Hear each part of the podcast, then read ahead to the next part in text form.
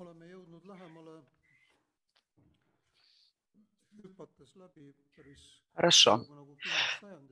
Мы перепрыгнули э, с X века до Христа и переходим теперь с вами к Новому Завету. И время Нового Завета, э, времена Иисуса, также его последователей. Здесь как раз появляется вот это слово «диакония». И это слово, оно используется достаточно много в Новом Завете. Используется как глагол или же как э, korral, ehk siis kas какой там tegevusena või другой какой-то форме. Э, В общем, где-то 60 раз используется слово «диакония» вот в разных формах. Э, С греческого слова, слово вы, наверное, знаете. ja algselt on teda И Изначально его использовали в значении служения и более специфически именно служение за столом. Можно посмотреть также Евангелие от Луки 12-17. ja võib Johannese kaksteist Иоанна 12 главу можно посмотреть. а также в других каких-то контекстах.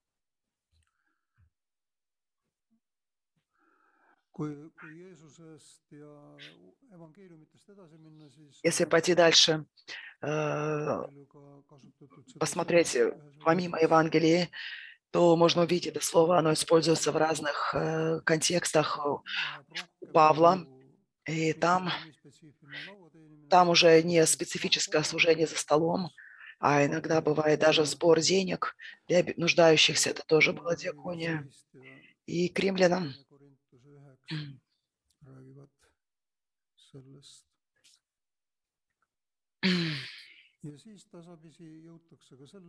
И hakkab тогда, а, тогда э- это слово уже означает не только действие, но также и позицию, какую-то должность.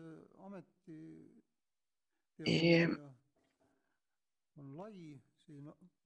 А. И, и э,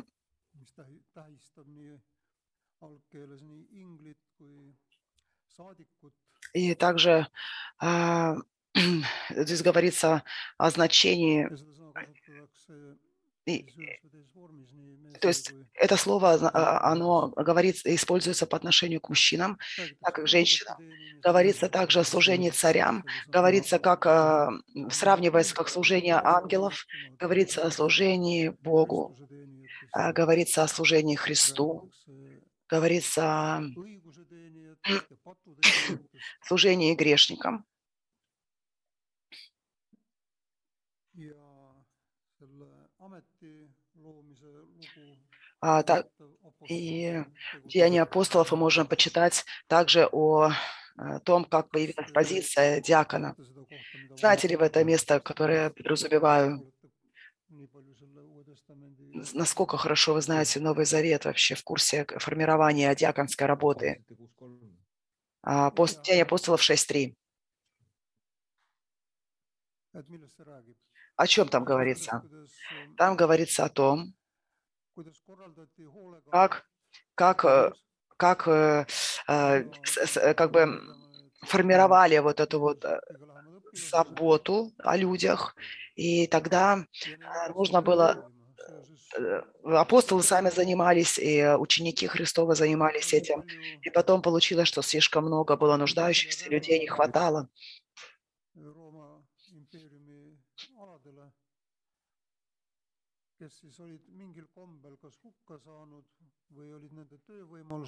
Ja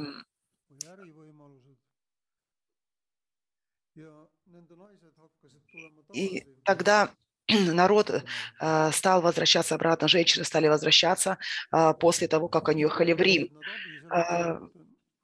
И э, в Риме там многих ну, погибали э, мужья, да, и за счет этого семьи стали возвращаться обратно, и возникла необходимость формирования системы, которая будет оказывать помощь вот этим вдовам и сиротам. И как раз а, апостолы стали думать о том, как это сделать, как правильно формировать вот эту систему помощи. и как помочь женщинам справляться в то время. И rahvuse põhjal ja из- koguduse põhjal изначально э, это была такая помощь, которая оказывалась в рамках церкви.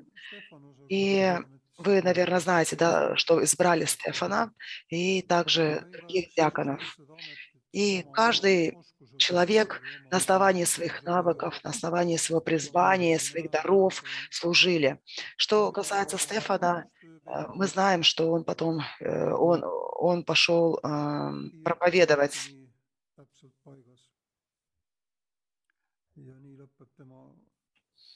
И, эм, и, и его потом тогда убивают. за проповеди. Христиане жили в то время маленькими группами. Им было необходимо заботиться друг о друге.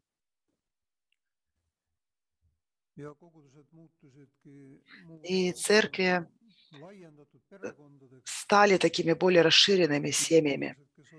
И люди, и люди, вд- вдовы, которые вернулись обратно, а также другие люди, которые, а, которые были свергнуты из израильского общества, они находили себе новых братьев, сестер, новых а, э, мам и, и отцов.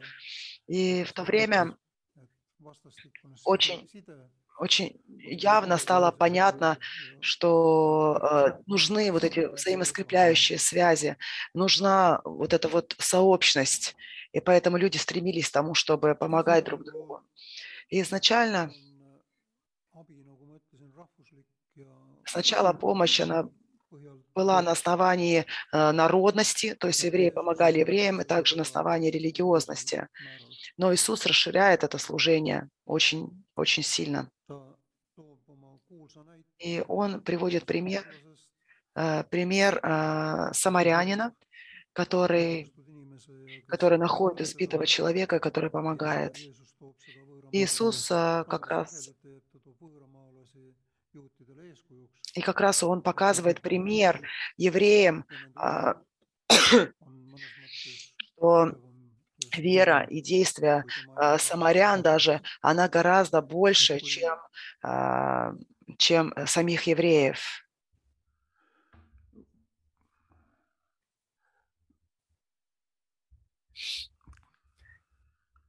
kui Johannes kirjutab meile, И он говорит о том, что мы знаем, что мы пришли от смерти в жизнь, э, потому что мы любим своих ближних.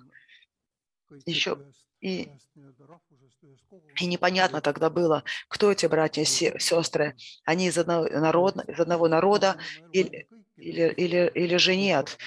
Но Иисус умер за нас всех. Он умер за разные народы. И это такой вызов, можно сказать, любить братьев и сестр ко всем людям. Иисус был для нас очень хорошим примером. И его работа, его служение, он показывал свою любовь до самого конца.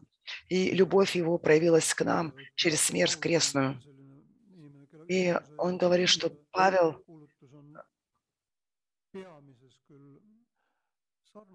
и проповедь Павла, и против, про- проповедь э, Иисуса, они чем-то похожи. Иисус, он говорит больше о любви э, к народу, а, а, и, Па- и Павел говорит, что сам центр нашей проповеди – это Иисус Христос. и Если кто-то будет проповедовать другое, то тогда горе тому человеку. Но, безусловно, любовь и требования безусловной любви мы можем увидеть э, как в словах Иисуса, так и в словах Павла. И если почитаем 1 Коринфянам, и он, э, там есть песни «Х- «Хвала любви» 13 главе. И если смотреть с точки зрения диаконии, то, то это, мо- можно сказать, такая проповедь любви. И а, помимо любви, да, а, помимо слов, к этому должны добавляться наши действия, наши поступки. Больше всего об этом говорит Яков. И он говорит здесь а, о важности дел. И Иисус также говорит о важности дел.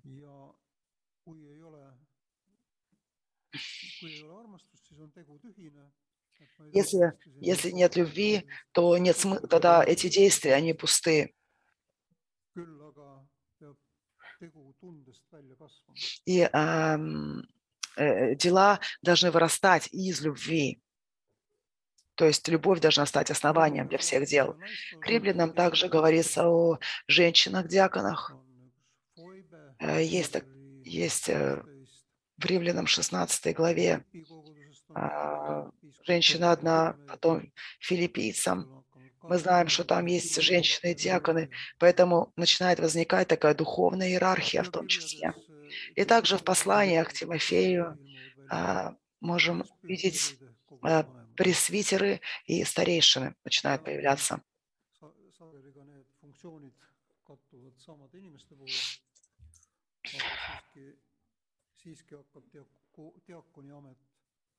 Omandama juba algkristlikus koguduses sellist nii teenimistööd korraldavad kui ka majandusküsimusi korraldavad Также эти диаконы, они занимаются и, и хозяйственными вопросами, какими-то а, такой посильной помощью, экономической помощью в том числе.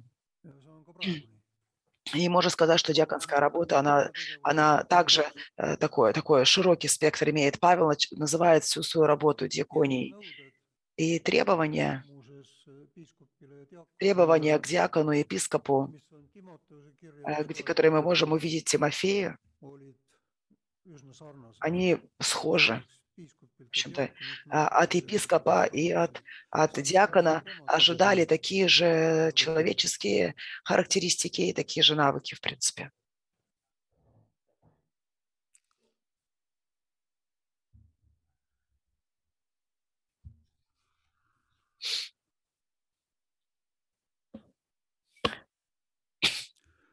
kõik tollased kogudused elasid sellises õhkkonnas, et Все. Церкви того времени э, жили с таким ощущением, что они не знали, сколько им осталось. Они ожидали возвращения Иисуса. И они- Они провозглашали окончание мира, как бы конец мира, и, и, и они говорили, что это даже не конец, который они ожидали, а ожидали э, того, чтобы, чтобы снято было полотно с глаз. И они как раз ожидали, что это будет какой-то новый взгляд на ситуацию, новые какие-то ситуации будут. И они вот это как бы ожидали, жили вот с таким ожиданием. kogu ühiskonna muutmist ja kogu ühiskonna uuendamist ei peetud.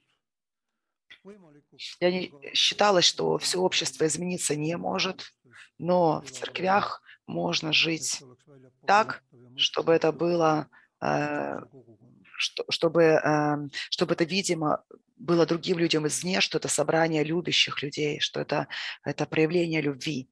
То есть церковь как проявление любви. И если сравнивать с христианами первого века, то у нас ситуация другая. И нам нужно, исходя из этого, мы, мы, помимо практической помощи должны э, взять пример с пророков, которые занимались также политической диаконией. Церковь не может смотреть мимо, э, сквозь пальцы, да, и церковь не может молчать о несправедливости, не может также молчать о несправедливости или неправильном, нехорошем правлении.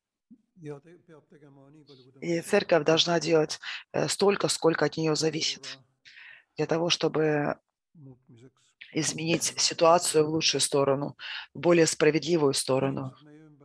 Люди вокруг меня, лю- люди вокруг нас, они даны нам для того, чтобы мы могли вести их, вес- вести их э, а, дальше через э, практическую помощь, через духовную помощь.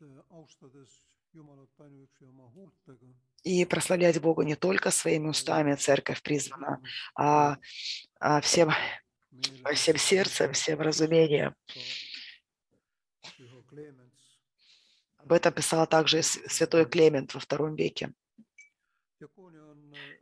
Дикония, она- это- Она это также, помимо того, что это действие, это также позиция, и также это стиль жизни.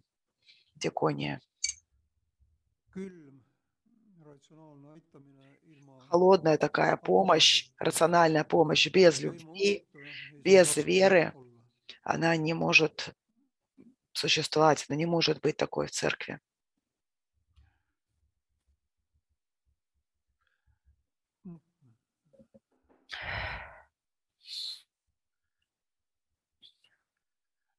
Eestis hakkas, ütleme nii veel, et, et kui, kui Uue Testamendi diakoonia oli siis hoolekanne oma lähedaste puudust kannatavate eest ja kiriku ja koguduse tunnus oli armastus selle liikmete vahel, mis väljendus То praktilistes есть диакония заключалась в любви друг к другу, которая проявлялась через а, практическую помощь. И на протяжении истории начали возникать такие более специфические а, организации по оказанию помощи. Я не буду очень долгое время останавливаться на системе монастырей Средневековья, но хочу сказать, что э, монастыри, они очень часто а, были моторами, моторами для изменения общества и также организациями э, помощи. И очень часто в монастыри люди отправляли, семьи отправляли своих э, женщин, дочерей, э, также отправляли мужчин, э, которые духовно служили. И там формировались потом школы, библиотеки, и также, и также, а также э, монастыри давали место работы для некоторых. kui meenutada veel kord Rooma riiki, siis Rooma riigis sai ju kristlasest riigiusund. И если взять э, а, seda, и христиане,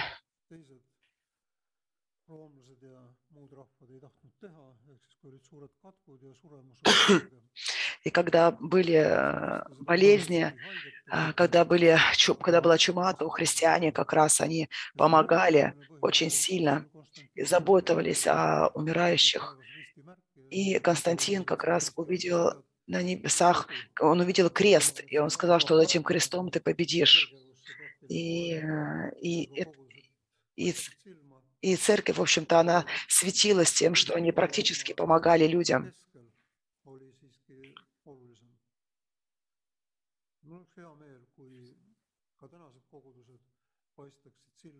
И это было бы здорово, с нашей, чтобы наши церкви, они могли бы э, также сиять этому миру через свою работу, через служение в любви это, этим людям.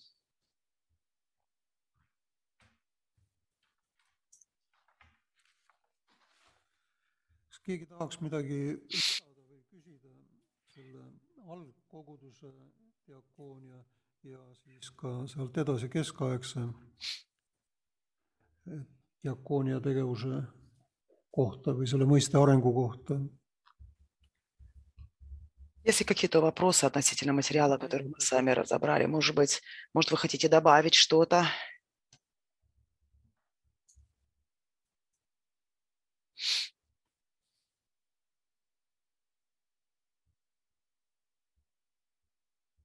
ei kuule.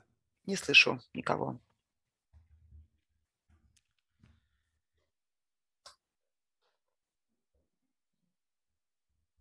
palju räägitakse Jeesuse suurest missionikäsust? Много говорится также о миссионерском указе, говорится о том, что идите в этот мир, делайте ученики. И мне хотелось бы как раз закончить, что делайте, делайте учеников. То есть делайте учеников, учеников во всех народах. И очень важно, чтобы мы пошли в мир и сделали что-то хорошее для наших ближних. И христианская вера, несмотря на то, что были и другие э, движения, но христианство по своей сути это практическое, практическое служение. И оно, оно а, а, и, и, и в какое-то время бывает э, необходимость, да, отдаления немножечко. Иисус также отдалялся от, от народов для того, чтобы молиться, для того, чтобы поститься. Но вся жизнь христианина, тем не менее, должна быть направлена на- наружу. Церковь не должна быть сосредоточена на себе. Могут быть такие периоды, когда церковь нужна, нужна, церкви нужно посмотреть вовнутрь для того, чтобы, для того, чтобы восстановиться, для того, чтобы а, получить силы и, и, и выходить обратно наружу. Это не значит, что мы должны идти теперь в другие города или еще куда-то. Нет, мы, иногда мы иногда цер- э, церкви, и мы можем преодолевать также и стены, которые стоят перед, между нашим народом, между человеком, ч- э, ч- человеком и человеком. Поэтому мы должны выходить к людям и нести туда как Евангелие, как послание о Христе, так же и проявлять Евангелие в наших делах, в наших поступках. Поэтому диакония – это Евангелие через наши поступки, через наши дела.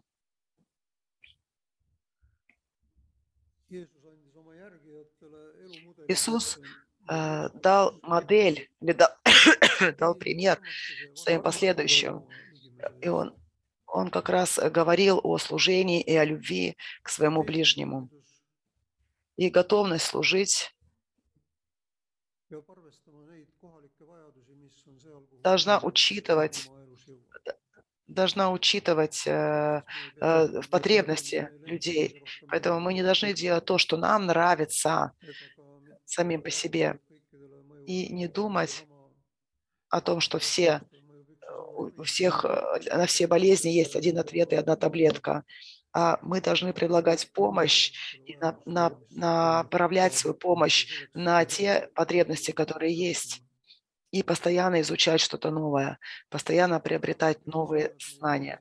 И сегодняшний кризис, он а, приводит нас к тому, что мы должны больше и больше изучать, учиться, мы должны получать новые навыки, новые умения для того, чтобы, для того, чтобы идти дальше, для того, чтобы нести бремя с теми, кому тяжело, которые подавлены, которые осуждены, которые вынуждены убегать и, и чье, чье самодостоинство а, страдает.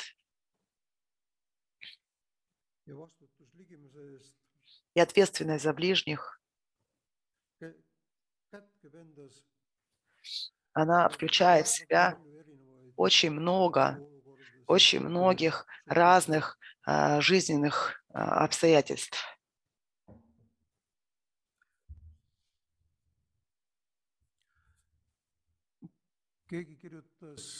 Кто-то написал в мессенджере, et диакония – это холистическая, то есть Божья любовь, она проявилась а, через э, холистику. То есть э, это означает, что это, что это такая целостная, целостная, холистический. Это значит, что человек, он тоже цели, целостен в единстве духа, души и тела. И то, что мы предлагаем, мы предлагаем быть помощью. И эта помощь, она должна быть направлена на всех, на все слои, на, на цер- целостную душ- душу людей. Человек, Он, э, он, он, он такой единый дух, душа и тело.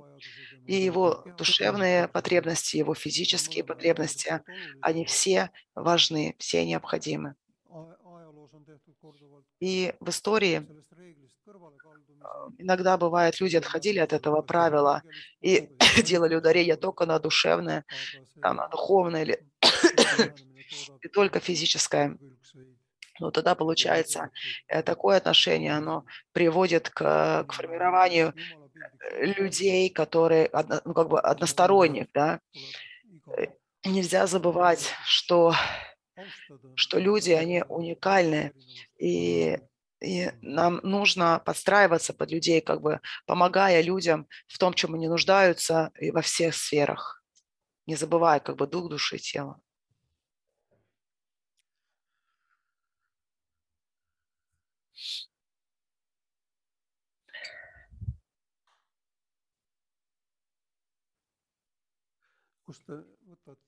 jaoks jõudu? Откуда вы берете силу для этого? Откуда вы берете силу для того, чтобы, для того, чтобы, для того, чтобы служить? Кто-то скажет по вере, из веры беру силу. Но мне, я был бы очень рад, что если бы вы могли бы как-то по-другому сказать, что это означает. Что это означает, когда вы говорите, что вера дает мне силу? Кто-то может сказать, что это означает? Что на самом деле вы подразумеваете, когда вы говорите, что вера дает мне силу, допустим, служить другим людям?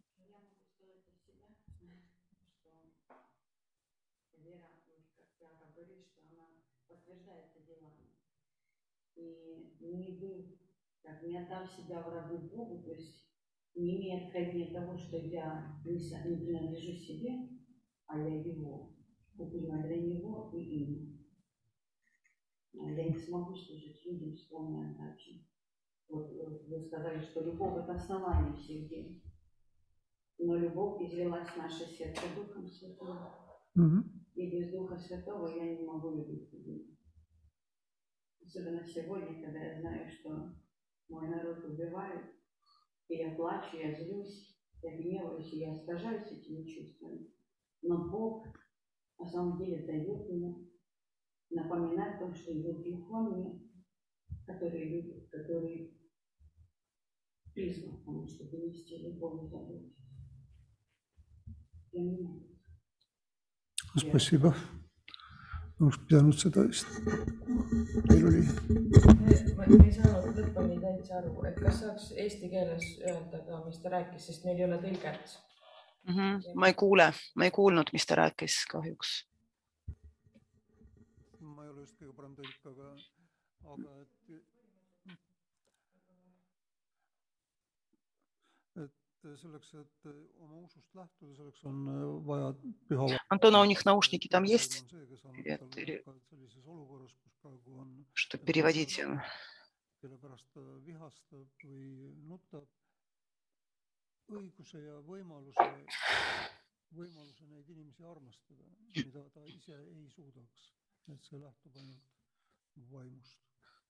raske on armastada neid, kes teevad meile kurja, aga sellesse kristliku armastuse Сейчас он как бы немножко переводит, э, что Антонина говорила. armastama nii omasid kui võõraid. Просто в следующий раз пусть наушники, если там рядышком скажешь, возьми, я тогда постараюсь переводить им. Марина, скажи, а э, Я? Антонину почти не слышала, очень слабо, потому что микрофон, видно, был от- в другую сторону. Просто э, Марина, она может переводить, но она не всегда слышит. Что надо наушник? aga see Hanna ennem proovis siis. ma ei kuulnud Да. Получается, нужно в микрофон говорить по-русски. See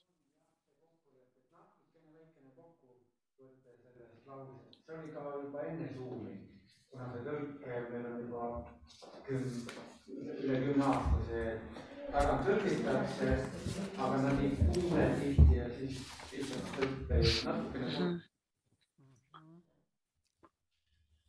Да, есть такое с переводом. Хорошо.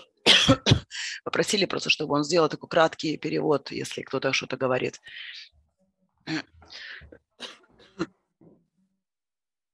sinu, sinu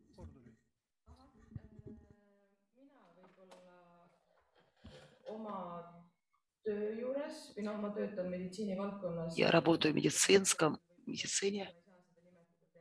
Я не могу назвать это диаконией, но тоже здесь определенные вызовы есть.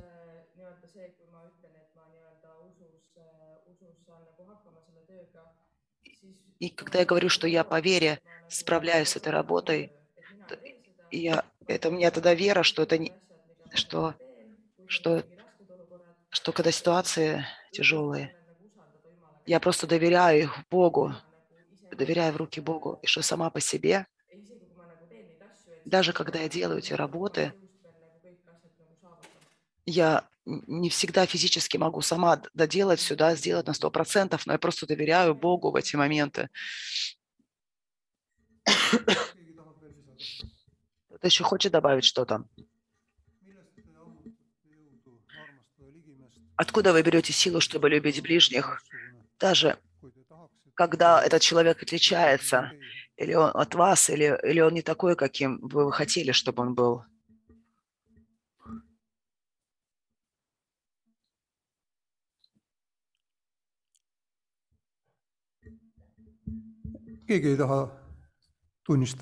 Никто не хочет сказать.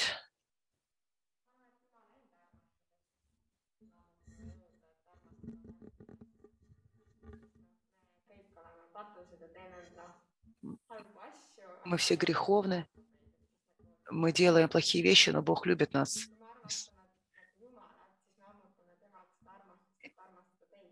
Если мы будем любить как Бог, м, в общем, немножко не уловила конец фразы. Ой, извините, слушайте, прям микрофон.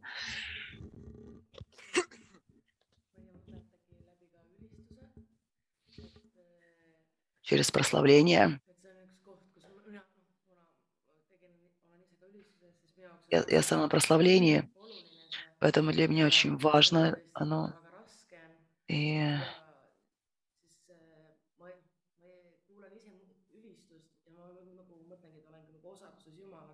и- äh, э, näeb. и я молюсь, чтобы Господь показал мне так, как Он видит, потому что иногда бывает, мы смотрим человеческими глазами. И, и, может быть, люди думают, что человек мне причинил столько боли, как я могу его любить? И, и, и как я буду любить его, если он мне принес столько ран? Но когда ты приходишь к Богу в прославлении,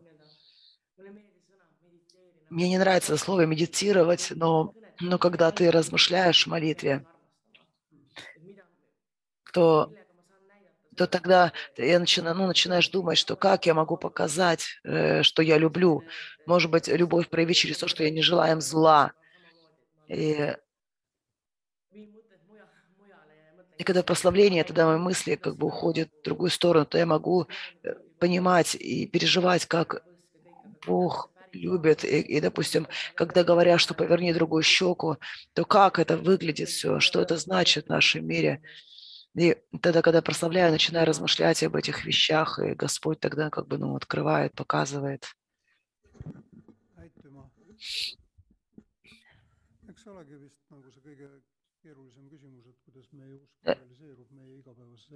Это, ну, это, конечно, такой вопрос, что как наша вера реализуется в ежедневной нашей жизни.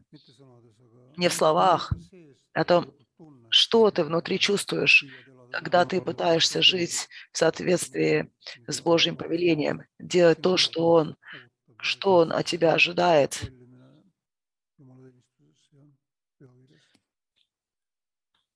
Можно еще комментировать? Комментарии вы принимаете еще?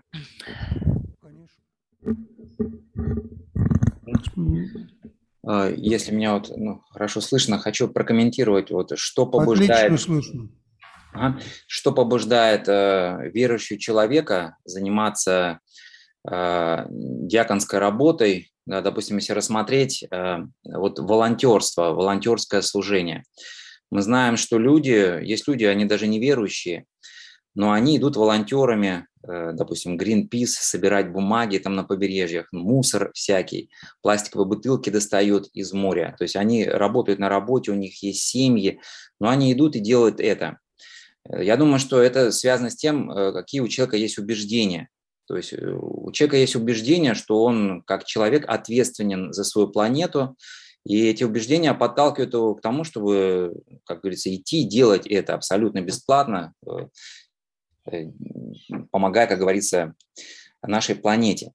В отношении нас, христиан, вот вспоминаю тот момент, когда я уверовал, когда уверовал в Иисуса Христа, родился свыше э, 25 лет назад, то я помню, первыми, пер, самыми первыми моими желаниями было это э, жертвовать, жертвовать э, своим временем, э, своими финансами и делать что-то, э, что принесет, что, что ну, принесет людям э, пользу.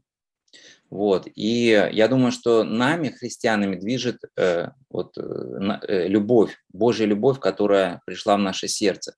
То есть, ну, как бы мы готовы делать то, что невозможно человека заставить делать. Ну, знаете, э, человек, представляете, он, он э, готов помогать, готов жертвовать, э, готов, готов быть волонтером и ну, в долгосрочной перспективе. И такое возможно только если у человека есть очень сильные, сильные убеждения. То есть есть разные там религиозные, есть разные религии, да, и люди готовы там намного. Но я в христианском контексте нами движет любовь Божия. То есть почему я это делаю? Потому что мною движет э, Божья любовь. Если бы мое сердце было равнодушным, то никто не может меня заставить что-то делать. Я не имею никаких юридических э, обязательств перед церковью, перед пастором. Я никому ничего не должен, ну, фактически, по факту. Но я делаю да, и делаю, могу свои финансы на это тратить только лишь потому, э, что Божья любовь, она пришла в мое сердце. Поэтому мы начинаем помогать людям э, в христианском контексте, как будто это движет нами. Божья любовь, она движет нами. Отсюда исходит все остальное служение и диакон, диаконское вспоможение, как мне кажется. Спасибо. Спасибо. Kas, kas ma peaksin seda tõlkima või see oli arusaadav? Sinul ei ole kõrvaklappe, ma näen, aga sa oled ise aru, jah? sinul?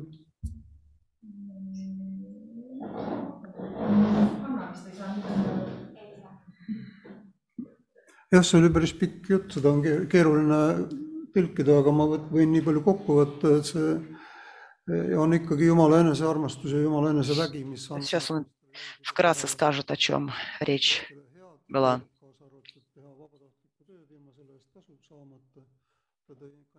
Greenpeace'ist ja, ja muid selliseid vorme. aga et jah, et tema, tema teenimistöö baseerub sellel, et Jumal on enne teda armastanud ja andnud talle selleks vajalikud kvaliteedid või väe. ja eks ta nii ole. Eks так оно и есть, да, так оно и есть.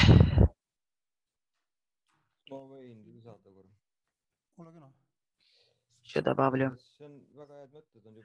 Хорошие мысли уже были сказаны. И Станислав тоже сказал, что его любовь и понимание того, что Бог меня любит, является основанием. Я, что дает этому жизнеспособность? Это какое-то какое ключевое слово – это общение, общение с Богом. Це, и, это, и вот это является, наверное, таким источником энергии, источником силы. И если этого нет, мы можем понимать, да, Бог любит нас, но если мы будем одинокими, бегать туда-сюда, если мы будем поднимать, под, помогать всем, то в какой-то момент придет усталость все равно. И, может быть, вот именно общение с Богом дает такую ежедневную энергию совершать, делать, делать это. Как и Вергита сказала, что прославление по факту это то же самое, или пребывание в молитве.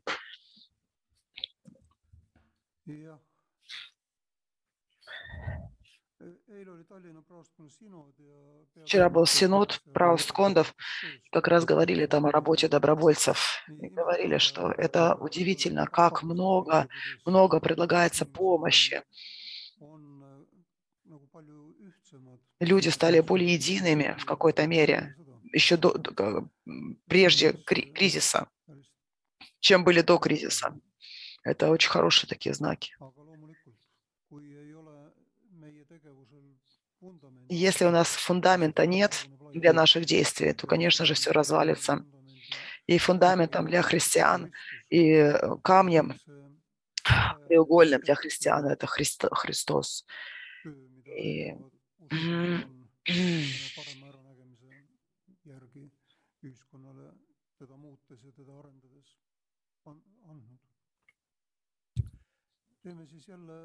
Хорошо, давайте снова пойдем на паузу небольшую. Э, спасибо. Тогда в 10.10 встречаемся. Ой, в 11.10 тогда встречаемся.